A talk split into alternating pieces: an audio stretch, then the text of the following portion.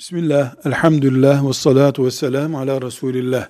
Deniyor ki çok büyük göbekli olmak, obezite, şişman, böyle iki kişi gibi bedeni olmak bir insanın günahkar olduğunu mu gösteriyor? Yani çok yiyen, içen, müsrif bir adam olduğu için mi böyle olmuştur?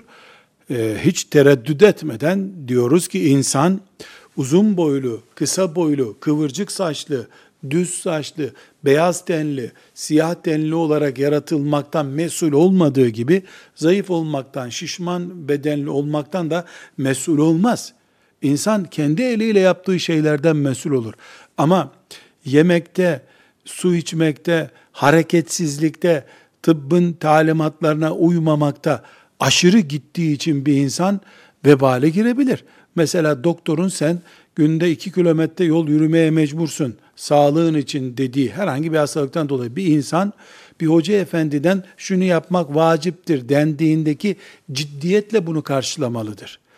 Evet insan kendi ağır hatalarından dolayı e, işte obezite oldu e, veyahut da e, şişmanladı, işte hareketsiz kaldı vesaire.